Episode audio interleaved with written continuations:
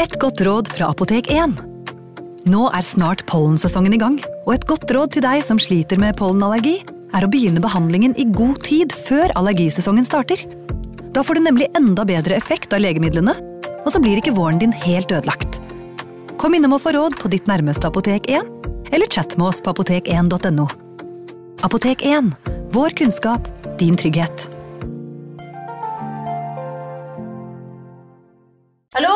Jeg kommer fra Oslo politikammer. Ine Jansen er purk. Er du purk? The motherfucking bitch. Alt jeg vil, er å finne ut hva som skjedde med mannen min. Jon Carew. Er jeg sikta for noe? Iben Akeli. Det er du. Ole So, Lars Berrum og Big Daddy Karsten. Hvem sin side er du på, egentlig? Anette Hoff, Tone Danielsen, Kommer du fra Afrika? Jørnis Josef, Nesten. Kløfta. Trond Espen Seim, Det er synd å si det, men det var feil mann som døde. Purk. Premiere tirsdag på TV2 Play. Ungsamtalen fra DNB er økonomisk veiledning tilpasset deg som er ung. Bokk en ungsamtale på dnb.no. slash ung. Det er kjempebra hvis du skal inn på boligmarkedet! Hvis det er drømmen din, liksom. Det er det du skulle sagt. Og så kunne du ropt litt mer, da, sånn som jeg gjorde. Bam! Advarsel. Historiene vi forteller i denne podkasten kan være fiktive og avvike fra den opprinnelige historien av dramaturgiske årsaker. Meninger og påstander i historiene reflekterer nødvendigvis ikke programledernes meninger eller virkeligheten. Hei, Skrekkpodden. Takk for en ny og spennende podkast. Kan rapportere at Robert Dahl ødela mandagen min fullstendig. Startet dagen med å se bildet, deretter gikk det kraftig nedover. Startet med et stygt fall på isen, fremdeles blå og gul. Fortsatte med å bruke altfor mye tid på en økonomisk misforståelse, og var overbevist der en stund om at jeg var både blakk og rundlurt. Heldigvis bare tull. Dro til kiropraktor for å rette opp fallskadene, og endte med å skli på en isvull med bilen og kollidere med en stillestående bil. Siste bonus den kvelden var da middagstallerkenen falt i gulvet og knuste med maten på. Dette var fra en kvinne som hadde sett bildet av Robert Dahl, og jeg tror ikke hun har beklaget. Nei. Og med det, Felix, så er jo du den eneste studio som ikke har beklaget på Instagram. Hvordan føles det her? Det føles eh, Jeg kjenner ingenting. Jeg har ikke merka noen ting. Nei?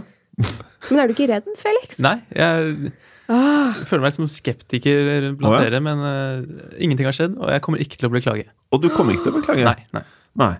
Og det Nå skal du høre, for at um, Nå er jeg inne på Instagrammen til Skrekkpodden, og her er det nå 980 kommentarer, hvor de fleste av disse er eh, Hvor det står 'unnskyld' eller bekla- 'beklager' eller 'sorry', Robert Dahl.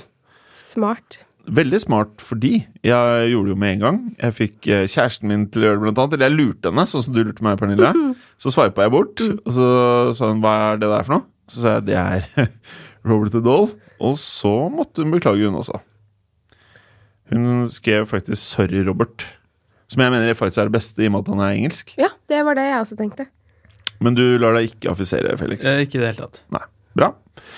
Da vet vi det. Da vet vi det. Eh, vi fikk også en eh, Eller både deg og meg, Pernille, men da var det en eh, dame på Instagram her som skrev at jeg burde se videoen av Robert The Doll som beveger seg på YouTube. Ja, hvorfor skrev hun det?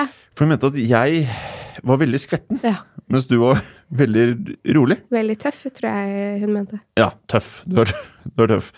Um, ja. Uh, I dagens episode, Pernille, så skal jo vi ta en historie sammen. Mm. Uh, og du blir da fortellerstemmen, hvor jeg har da eh, stemmen til noen av soldatene i denne historien, eh, for å røpe det. Eh, også overvåkningsanlegget, eller intercomen. Der er du. Der er meg. Vil du avsløre hvilken historie det er? Eh, ja, det er jo dette her russiske eller sovjetiske søvneksperimentet. Ja. Ehm, og så er det jo litt sånn om det her har funnet sted eller ikke.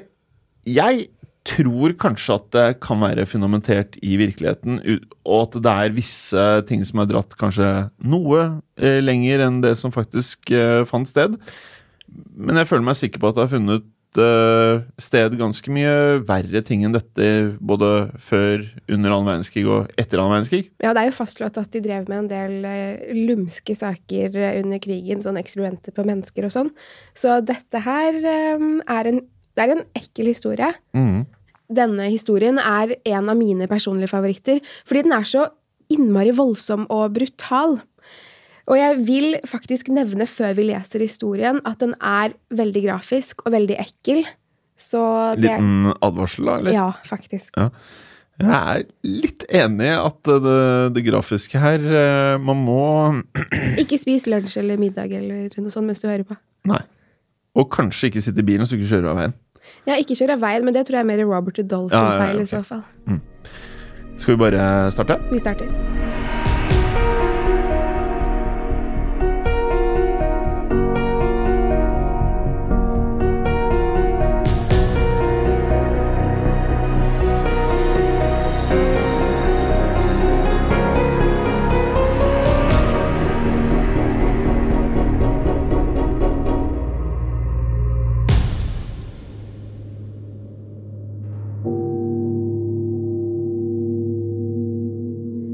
Dette er en skrekkhistorie som har versert på internettforum i flere år, skrevet av en ukjent forfatter. Vi vet ikke opprinnelsen til historien, heller ikke om den er sann. Historien utspiller seg på slutten av 1940-tallet, altså etter andre verdenskrig. Vi er i Sovjet. Fem krigsfanger er blitt tatt til fange av sovjetiske soldater og har fått tilbud om å være med på et søvneksperiment mot at hvis de fullfører eksperimentet, skal de bli sluppet fri fra fangenskap. Forholdene i fengselet der de ble holdt fanget, var grusomme. Lite mat, dårlige sanitærforhold, og det var fuktig og iskaldt, som forårsaket sykdommer og flere tilfeller av død. Fangene der var desperate etter å komme seg vekk, så da fem fikk tilbud om å være med på eksperimentet i bytte mot frihet etter endt oppdrag, var det ikke vonde å be. De skulle få være varme igjen, spise og drikke. Ikke før samme dag som eksperimentet skulle starte, fikk de vite hva oppgaven var. De skulle holdes våkne i 30 dager, en hel måned uten søvn. Ingen hadde noen gang klart det før, så vidt man var klar over, og forskerne som utførte eksperimentet, ville se hvordan mangel på søvn over lengre tid påvirket kroppen og dens reaksjoner. De fem fangene flyttes inn i et gasskammer uten vinduer. De har derfor ingen anelse om det er natt eller dag. Lyset i kammeret skal holdes likt hele døgnet, så kroppen ikke påvirkes av dagslys eller mørke. Det er heller ingen klokker i kammeret, så tidsperspektivet deres forvrenges.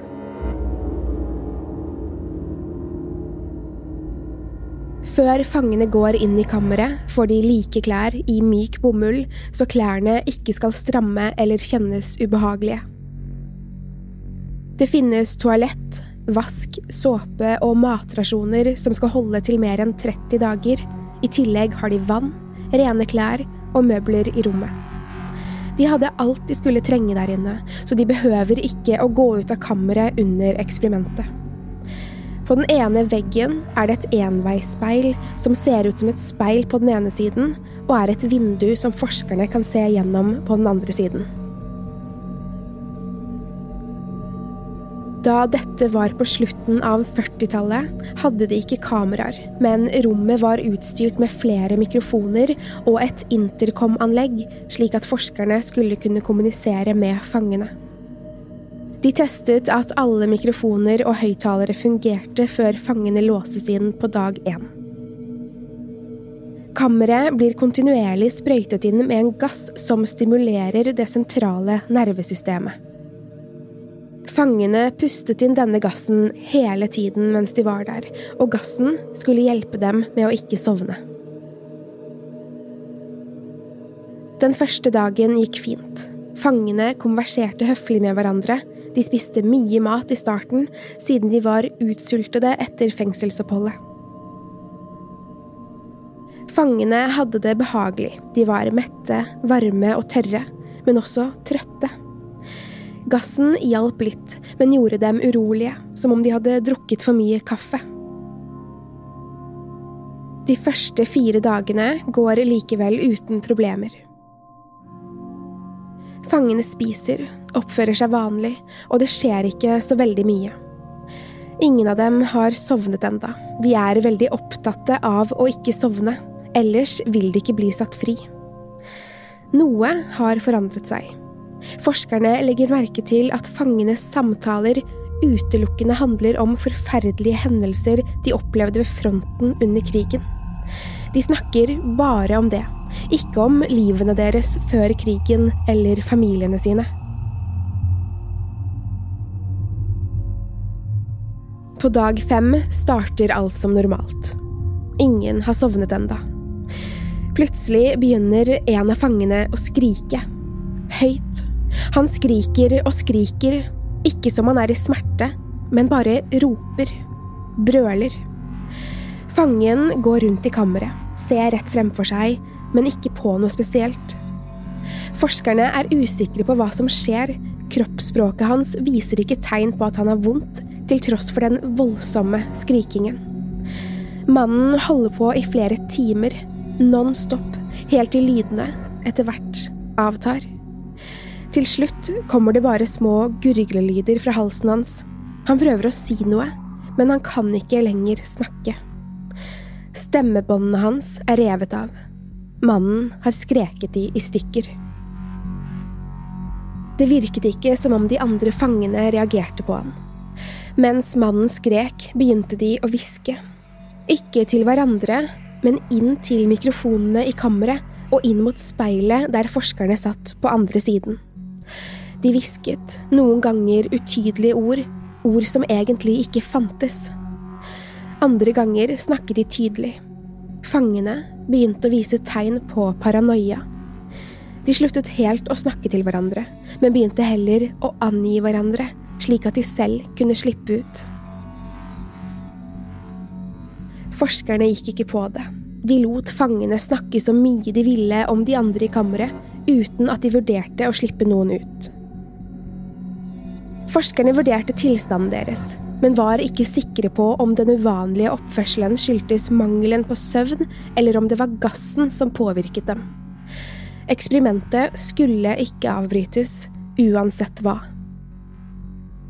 Fangene fortsatte med hviskingen til mikrofonene i dagevis, og på dag ni begynte enda en fange å skrike. Heller ikke denne gangen så det ut til at de andre fangene reagerte på skrikingen. Mannen holder det gående i flere timer, til stemmebåndene hans også ryker. Istedenfor å hviske inn i mikrofonene denne gangen, begynner de andre fangene å dekke til speilet med utrevne sider fra blader og aviser som lå i kammeret, og smører i tillegg sine egne ekskrementer på glasset, slik at forskerne ikke lenger kan se inn. Alt uten å kommunisere med hverandre. De fortsatte å mumle uforståelige ord, som om de snakket sitt eget språk. Forskerne kunne bare høre hviskingen til fangene nå men ikke se dem lenger. På dag ti kan ikke forskerne høre dem lenger. De ser bare skygger gå rundt i rommet, gjennom det tilgrisede speilet. Forskerne vil vente med å gå inn i kammeret, ettersom fangene har godt med mat og drikke. De vurderer situasjonen derfor til at fangene vil kunne klare seg selv om forskerne ikke får overvåket de like tett. De avventer situasjonen og noterer at de ser skygger som beveger seg, der de går hvileløst rundt i kammeret. Det kommer ingen lyder fra rommet. De kan ikke engang høre skrittene deres, selv om de går rundt og rundt. På dag 14, da forskerne ikke har kunnet se hva som har foregått der inne på hele fem dager, bestemmer de seg for å sende inn noen soldater for å sjekke om alt er i orden, og for eventuelt å fikse mikrofonene. De bruker først intercom for å prøve å kommunisere med fangene. Vennligst gå bort fra døren og legg dere på gulvet. De som ikke ligger på gulvet når vi kommer inn, vil aldri bli sluppet fri fra fangenskap. Lød det over intercom-anlegget. Idet soldatene gjør seg klare til å låse opp døren og ta seg inn i kammeret, hører de en stemme si Vi ønsker ikke lenger å bli sluppet fri. Dette er hjemmet vårt nå, og vi ønsker oss ingen andre steder enn her. Døren til kammeret blir åpnet på dag 15. Før soldatene sendes inn, skrur forskerne av gassen som hele tiden har blitt sprøytet inn i rommet. Nå får fangene kun oksygen. De lar oksygenet skifte ut gassen i ca. en time. Plutselig hører de lyder inne fra kammeret. Fangene beveger seg raskere og mer urolig enn de pleier. Gjennom det tildekkede speilet ser de skygger fare forbi, fort som om de løper. Vær så snill, få skru på gassen igjen. Vi får ikke puste. Vi dør her inne. Skru på gassen igjen. Hysterisk ber de om å få på gassen igjen, som om de skulle bedt for livene til sine kjære. Soldatene sendes inn for å hente fangene. Det de fikk se der inne, kunne de aldri ha forberedt seg på. Stanken slår mot dem. Tett, varm luft blandet med noe som lukter råttent. De ser med en gang hva det er som råtner. I hjørnet, langs den ene veggen, ligger en av fangene på rygg. Han er død. Kroppen hans er helt hvit, noen steder nesten gråblå. På lårene og brystet hans mangler det både hud og muskler, så man kan se helt inn til bena. Biter av kjøtt fra den døde mannen var stappet ned i slukene på gulvet, så to centimeter med blod og vann dekket hele gulvet. To av soldatene begynte å prate. Hva er det som stikker ut av ventilasjonen? Ser ut som en pinne eller en stokk. Prøv å trekke den ut. Den sitter fast. Jeg får ikke helt grepet på den heller. Det er i alle fall ikke en stokk. Den føles nesten litt myk. Her, ta kniven min. Bare få lirket det ut. Vi må komme oss ut herfra. Det er en av fangene. Det er en av armene til fangene. Soldaten slang armen fra seg i en solid blanding av forskrekkelse og overraskelse over hvor langt unna fangene var, de fangene de kjente for bare noen uker siden. De fire andre fangene så ut som levende døde. De var kritthvite, også de manglet hud og muskler på store deler av kroppen. Som om huden var revet av dem. Soldatene så de grave med sine egne fingre ned i sårene. Huden og musklene var ikke revet av dem, det var fjernet av dem selv. Noen av fangene puttet biter i munnen og tygget, og hun kunne se tarmene deres jobbe, de fordøyet mat. Matrasjonene så ikke ut til å være rørt siden dag fem. Fangene hadde begynt å spise av sine egne kropper, og de så ut til å like det. Huden fra flere steder på kroppene deres var borte, Soldatene kunne se de nakne ribbena deres og lungene som beveget seg mens de pustet. Fangene så ikke ut til å være i smerter. Det eneste de ba om, var å få på gassen igjen. Skru på gassen, ellers kommer vi til å sovne. Vær så snill. Vi klarer ikke mer. Soldatene ropte forskerne ned til kammeret, og de ble mildt sagt forskrekket av det de så. Vi må få dem til operasjonsstuen med en gang, sa en av legene. Soldatene prøvde å få kontroll på de fire fangene, men de gjorde voldsom motstand. Den ene bet seg fast i strupen til en av soldatene, og med en brå hodebevegelse røsket fangen ut deler av spiserøret til soldaten, og blodet sprutet fra det åpne såret hans. Soldaten blødde i hjel på kort tid. Det ble en voldsom kamp mellom soldater og fanger. To soldater og én fange var nå døde. Men om man regner med de soldatene som tok livet sitt etter eksperimentet, døde i alt fem soldater. Plutselig høres en annen lyd, av at noe klasker i gulvet. Milten til en av fangene sprekker, og mannen blør voldsomt. En lege og en sykepleier, som også er kommet til kammeret, prøver å hjelpe han ved å stoppe blødningen, men mannen kjemper seg vekk fra dem. Til slutt får de lagt han i belter, selv om kroppen hans er glatt av at det mangler hud på armene og bena. Legen gir han flere doser smertestillende og prøver å legge fangen i narkose, men fangen reagerer ikke på medikamentene. Legen gir han i alt ti doser, mer enn noe menneske i det hele tatt skal kunne overleve på, men fangen reagerer ikke. Fangen fortsetter å kjempe imot og brekker armen til legen og flere ribben på sykepleieren, selv om han er i belter.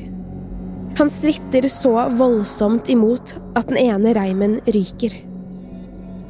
Blodet renner fortsatt ut av fangen, og de klarer ikke stoppe blødningen fordi han ikke ligger stille. Han skriker voldsomt. Til og med når blødningen stopper fordi kroppen hans er tom for blod, skriker han. Legen og sykepleieren kan se at hjertet hans fortsatt pumper, selv om det ikke er mer blod igjen. Han ser dem inn i øynene og skriker. Mer! Jeg vil ha mer. Øynene hans lukker seg, og hjertet stopper å slå. Så er han død. Den av fangene som er hardest skadet, med innvollene sine utenfor kroppen, legges i belter og føres inn i operasjonssalen. Kirurgen gir han medisiner så han skal sovne, men heller ikke han reagerer på dem. Til slutt foreslår legen oppgitt at han får operere mannen uten bedøvelse, og fangen roer seg ned. I hele seks timer opereres han, men viser ikke noe tegn til å føle smerte, Han burde ha vært død. Dette skal ikke være mulig. sier kirurgen.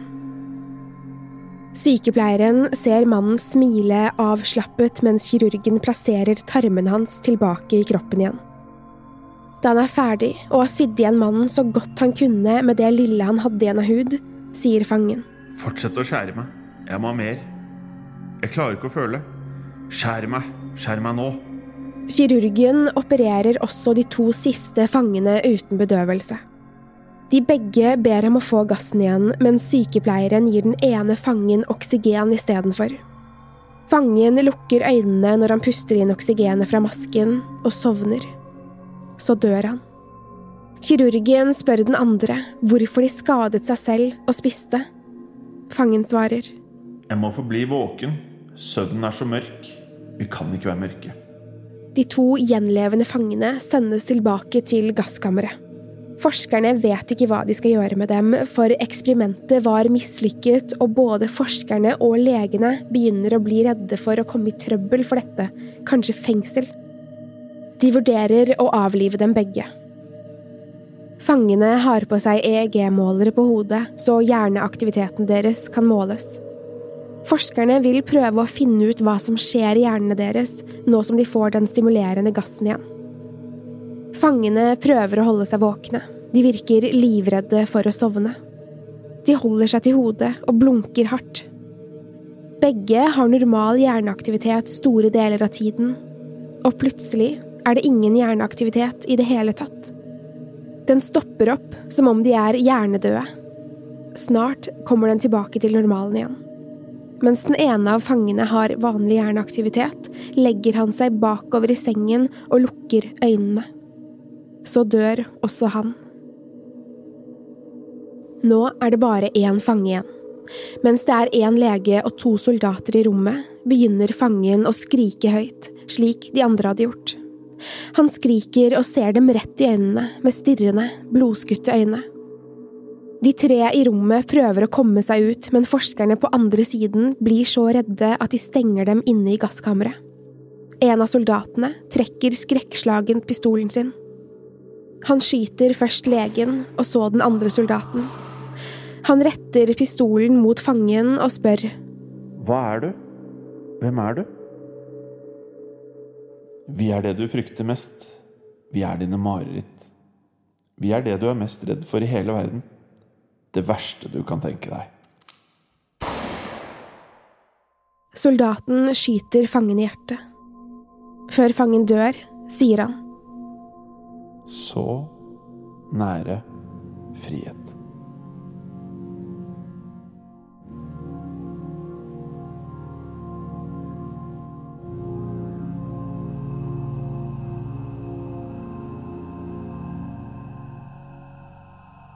Dette var eh, meget eh, visuelt, eh, holdt jeg på å si, som vi sa i innledningen, Pernille. Grafisk. Grafisk var vel ordet, ja. Um, vi får jo, som vi har pratet om tidligere, utrolig mange historier eh, tilsendt. Altså lytterhistorier på skrekkpodden at modernmedia.no. Eh, og vi tar to av de i dag, vel? Vi tar én lytterhistorie hver i dag. Du skal lese den første, og så leser jeg den siste. Mhm. Og så tenkte jeg også at eh, om det blir denne uka vi starter med det, eller neste, eller når vi gjør det, så kan vi jo lage egne bonusepisoder, hvor vi da rett og slett kun tar lytterhistorier også. Det syns jeg vi skal gjøre. Da gleder jeg meg til å høre din historie, Jim. Og her kommer den. Hei, Skrekkpodden. Har opplevd mye rart, men jeg tenkte jeg skulle dele denne historien ettersom det er en av de lengre. Jeg bodde i en hybel i Oslo og kom sent hjem etter en kveld ute. Sengen min var vendt mot badet, som det skinte litt lys fra. Jeg kunne derfor se konturene av hybelen. Nesten rett etter jeg har lagt meg, ser jeg en mørk figur bakerst i rommet. Ettersom jeg har hatt mange søvnparalyser, regnet jeg med at det var det som foregikk. Den svarte figuren ble plutselig lavere, som den huket seg ned. Den begynte å krype mot sengekanten min og satte seg ned på gulvet, rett ved siden av meg, og tok tak i armen min. Den begynte å hviske noe helt uforståelig, på et språk jeg aldri hadde hørt før. Det mest ubehagelige var hvordan jeg fikk vondt i armen min hver eneste gang vesenet rørte meg. Og jeg kunne danne meg et bilde i hodet av hvordan dette vesenet så ut. Det var et deformert og ekkelt ansikt. Etter hvert klarte jeg å få meg selv ut av det. Jeg hadde vondt inni meg, og hjertet hamret i panikk. Så for å roe meg ned, tok jeg frem mobilen for å sjekke SMS og Snapchat. En venn av meg sendte meg meldinger på Snapchat. Der sto det Hva faen er det der? Hva er det du holder på med, egentlig? Hva i helvete er det bak deg? Dessverre tok jeg ikke screenshot av denne delen av chatten. Men jeg fikk en ubehagelig følelse og spurte hva i alle dager han snakket om. Jeg hadde tydeligvis sendt en video av meg selv i sengen, hvor han så dette deformerte ansiktet bak meg. Noe han beskrev som veldig creepy. Dette ansiktet var helt likt som den tingen som jeg så for meg i søvnparalysen.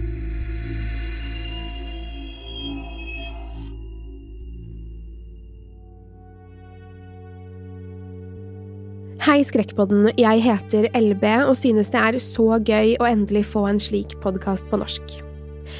Jeg har ikke én lang historie, men et par små. Jeg bor på en øy på en gammel familiegård. Mine oldeforeldre bygde huset vi bor i, og det er også de vi tror og håper går igjen. Vi flyttet inn på gården etter at min oldemor flyttet på eldrehjem. Mine besteforeldre bor i et eget hus 50 meter unna, og vi bygde to ekstra soverom, slik at jeg og storesøsteren min fikk ett soverom hver. Mine foreldre tok det soverommet som allerede var der, og min lillesøster fikk det som var roterommet til soverom. Det begynte med at vi hørte noen som gikk opp trappen om kvelden etter at alle andre hadde lagt seg. Vi kunne alle tydelig høre hvert trappetrinn siden trappen er gammel og knirker skikkelig. Like etter at dette begynte, startet min lillesøster, som var rundt tre–fire år på den tiden, å snakke om mannen hun hadde på rommet. Hun nektet å være i andre etasjen alene, og vi måtte sitte med henne til hun hadde sovnet. Mannen var i 60-årene, som hun har forklart i senere tid, og sto i det ene hjørnet på rommet og bare stirret på henne.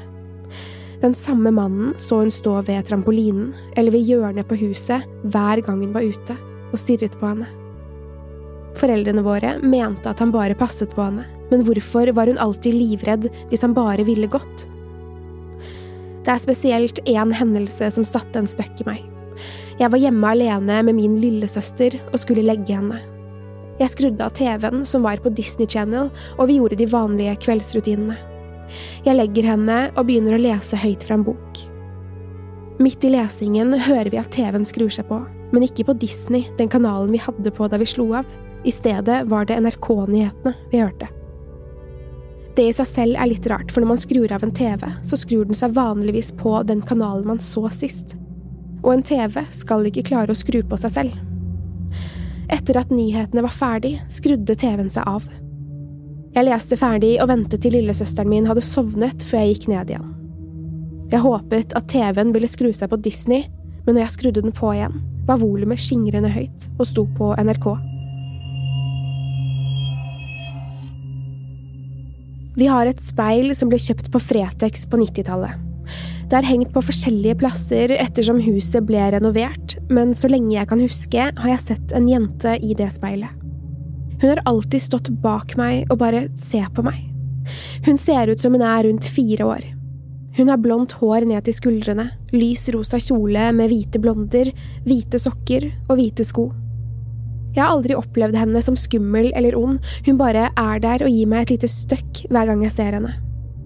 En ting jeg syns er skikkelig guffent, var da jeg og min storesøster diskuterte spøkelser som voksne. Hun nevnte speilet, og sa at også hun hadde sett jenta.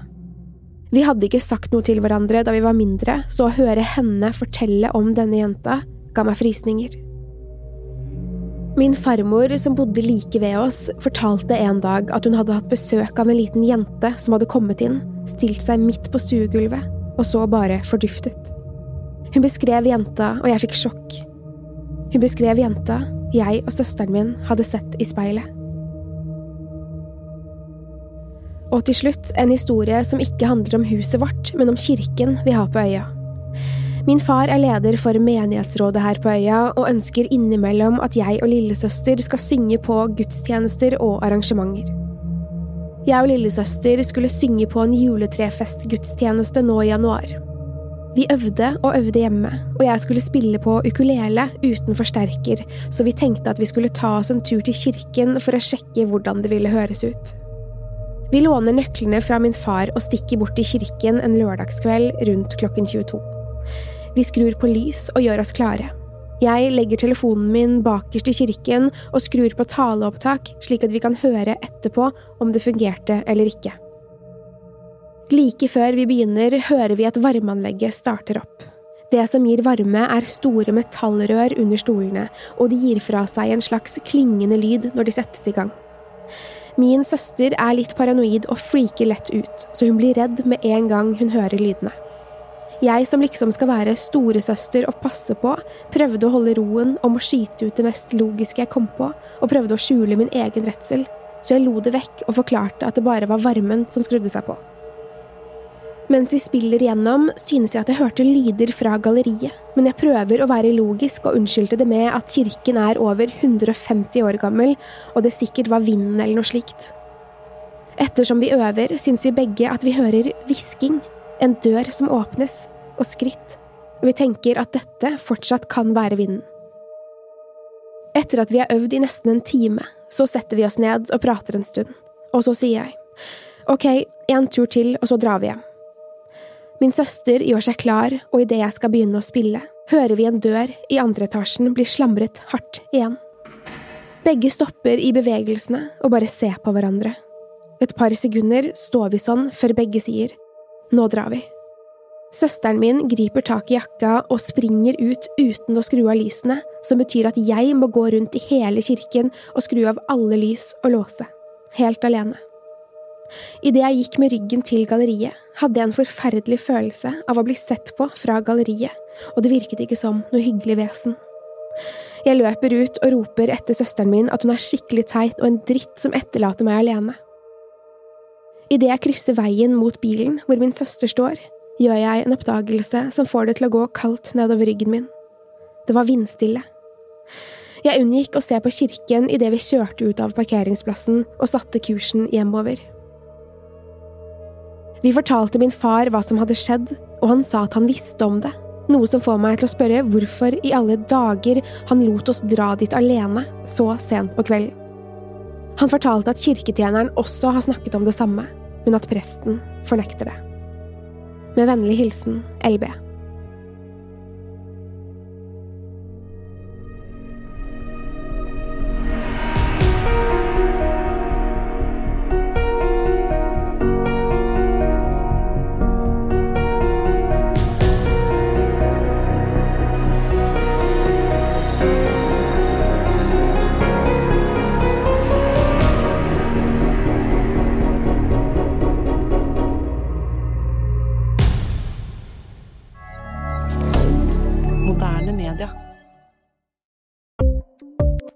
Ukens annonsør er Folio, en smartere banktjeneste for deg som har en egen bedrift eller ønsker å starte for deg selv. Folio er en superenkel nettbank for bedrifter. Som kunde i Folio får du en bedriftskonto med et bedriftskort og app. I denne appen er det smarte løsninger som forenkler regnskapet ditt, uansett om du har en liten bedrift eller et enkeltpersonsforetak. Folio er både intuitivt og brukervennlig, og er laget med et enkelt språk. I tillegg tilbyr de forutsigbare priser og ingen skjulte gebyrer. Skulle du likevel trenge det, så kan du snakke med deres raske og hyggelige kundeservice, og der får du prate med en faktisk person og ikke en chatbot. Folio er med andre ord både enklere og koseligere enn banken. Over 10 000 bedrifter har allerede valgt Folio som sin banktjeneste, så besøk folio.no og se hvordan Folio kan forenkle din hverdag også. Har du et enkeltpersonforetak eller en liten bedrift? Da er du sikkert lei av å høre meg snakke om hvor enkelt det er med kvitteringer og bilag i fiken, så vi eh, gir oss her, vi. Fordi vi liker enkelt. Fiken superenkelt regnskap. Kiwi er billigst i VGs matbørs og har vært billigst i fire av de fem siste VGs matbørser. Og nå presser vi prisene på frukt og grønnsaker. På 200 gram broccolini setter vi prisen til 24,90. På 400 gram Cevita blåbær setter vi prisen til 49,90. Og husk, alle Kiwi Pluss-kunder får i tillegg 15% trumfbonus på all fersk frukt og grønt. For det er vi som er prispresserne. Og vi i Kiwi gir oss aldri på pris.